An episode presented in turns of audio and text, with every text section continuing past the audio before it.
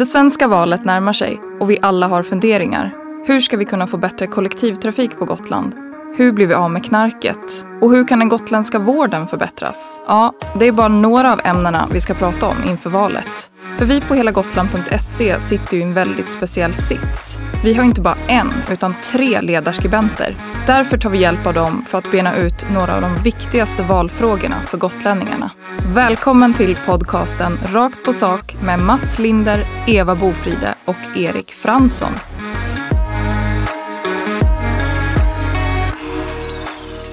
Ja, de tre utgör alltså våra ledarskribenter här på helagotland.se. Det är Eva Bofride som skriver eh, på oberoende centerpartistisk sida. Mats Linder som skriver för oberoende moderat och så har vi Erik Fransson, oberoende socialdemokratisk. Och jag då som pratar, jag heter Cecilia Thomsson och är till vardags reporter på Gotlands Allehanda och är den som kommer att programleda de här avsnitten. I den här podden så kommer vi att gå rakt på sak, därav namnet, och bara prata om en viktig valfråga per avsnitt. I någon slags förhoppning om att underlätta lite för er väljare. Och det här avsnittet kommer att handla om äldreomsorgen och närmare bestämt privatiseringens eh, vara eller icke vara. Och nu tänkte jag att jag ska sluta prata och eh, släppa in er. Och om vi börjar med dig Mats, eh, som alltså skriver på ledarplats för oberoende moderat. Vad finns för fördelar med privatisering egentligen? Det finns fördelar både vad det gäller verksamhetens idé och innehåll, att man kan eh, ha alternativ till den kommunala omsorgen. Det kan finnas ekonomiska fördelar. Eh, egentligen tycker jag väl det är bäst när man har genuint privata äldreboenden som drivs långsiktigt, som exempelvis eh, Visby sjukhem och, och eh, Hattstugan här på ön. Där man har ett ramavtal med kommunen att verksamheten ja, har samma huvudman hela tiden. Det tycker jag egentligen är den bästa privata lösningen. Men sen kan det också vara ett, ett alternativ att, att eh, handla upp driften av kommunala boenden. Eh, och där tycker jag det har blivit lite olycklig fokusering just på huvudmannaskapet. För det finns ju exempel på både bra och dåliga boenden både bland kommunala och privata huvudmän. Och eh, det viktiga är att man kontrollerar kvaliteten oavsett vem det är som sköter driften.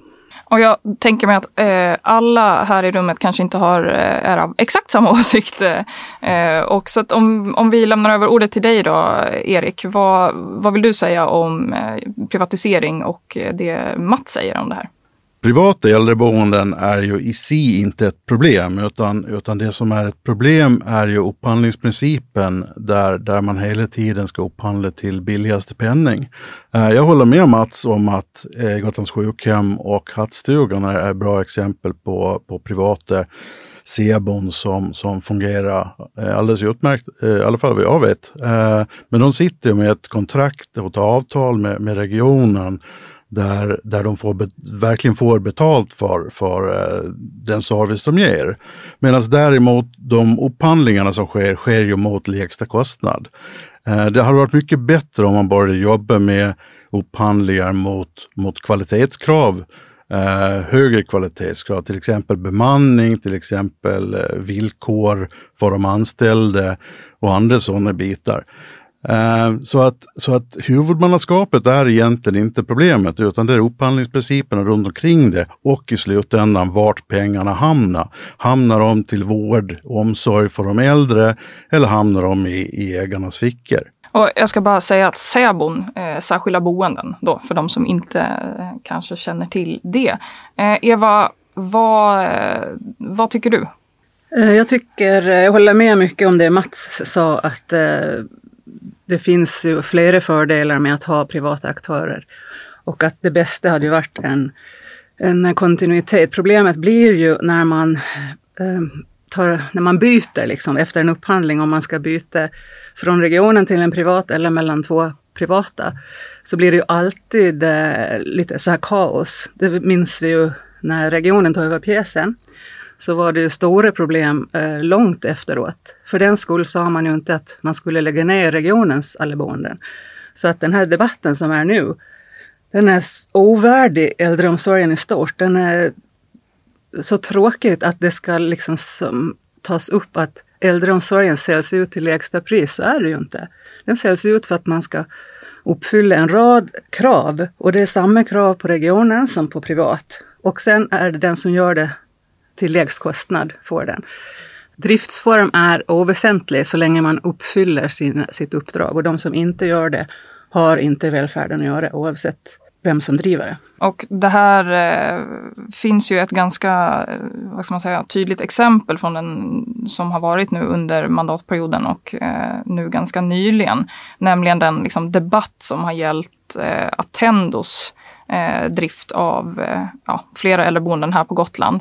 Eh, som ju har kritiserats i omgångar både av liksom, personal och eh, anhöriga. Men om jag liksom tolkar er rätt så är det här inte ett exempel på att det inte bör finnas liksom, privata äldreboenden. Eller jag ska säga, om jag tolkar eh, mm. dig Mats och Eva rätt, så är inte det här liksom ett, ett exempel på att vi inte ska ha privata boenden. Vad säger du Erik? Alltså, det är ju ett tecken på det systemfel som finns där man har en nedåtgående spiral där man ständigt jagar de, de lägsta kostnaderna. Där man ständigt lägger ut eh, upphandlingar där, där den som har det lägsta priset, den, det lägsta kostnaden för regionen vinner. Pro problemet är ju också att det är inte samma villkor i de här upphandlingarna som regionens boenden har. Eh, regionen har ju en massa policies som regionens boende måste fylla. Exempelvis var man upphandlar mat och att man ska följa eh, heltidsresan. Du får då låta nu som att det inte finns några kvalitetskrav i upphandlingarna. Det gör det ju. Ja, men de kvalitetskrav som finns är är bottenkraven som ställs i lagen. Så mycket, så mycket mer krav ställer man ju inte. Alltså det viktiga tycker jag är att man har de relevanta krav och att de som åtar sig uppdraget lever upp till de kraven. Eh, det tycker jag är det viktiga. Jo, och där, där håller jag med. Men, men, men de kraven som ställs är, är de lägsta kraven. Och det vi ser nu på, på Attendo är ju att den lågt gående spiralerna kommer så lågt ner så att, så att man klarar inte av att, att, att eh, anställa personal för att villkoren är för dåliga. Man klarar inte av att, att eh, driva boendet på sådant sätt som det behövs. Det måste till mer resurser, det måste till bättre villkor för de anställda för, för att det här ska kunna funka. Och då kan man inte eh, bjuda ut boenden till lägsta pris längre. Vad säger du eh, Eva, bör politikerna här på Gotland göra någonting åt det här som sker på Attendo? Det är klart de ska göra det. Lösningen är ju dock inte att ställer högre krav på de privata än, än de eh, i regionen. Det här är ju problem som finns även i regionens boenden. Det är ju inget exklusivt problem att det är svårt att få tag på folk till Attendo eller någon annan privat aktör. Det här är ju någonting som är ett så pass mycket större problem att det blir ovärdigt att försöka gömma det bakom att det handlar om driftsform. Det är ovärdigt och ett svek mot de som jobbar i regionens äldreboenden och sliter som djur att höra att det, det skulle bli, att de har det så himla mycket bättre. Det här, eh, det blir, ja, det blir, man, man stir, det är som ett exempel är när det var som mest debatt om vad som eventuellt skulle kunna hända på Hemse så pågick ju det här på Terranova. Men då var det ingen som såg på det, för då var debatten enbart på Hemse och, och alla tävlar om hur eh, katastrofalt det skulle kunna bli där när Attendo tog över. Men ingen hade ögonen på Terranova där de verkliga problemen fanns. Erik, vad säger du?